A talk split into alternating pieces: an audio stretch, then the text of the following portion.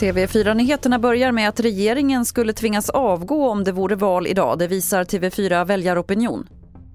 Det går trögt för alla partier som står bakom den nya regeringen. Sverigedemokraterna har backat mest med 2 procentenheter medan både Vänsterpartiet och Socialdemokraterna har fått ökat stöd.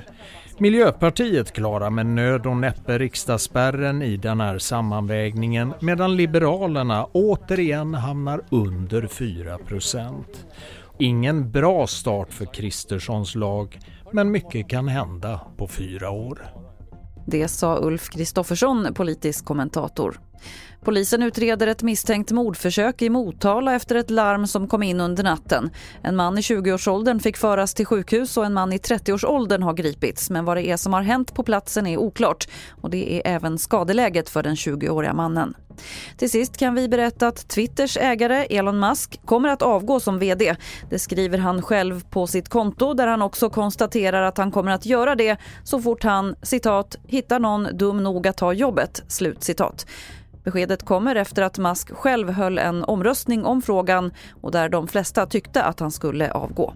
Fler nyheter finns på tv4.se. Jag heter Lotta Wall.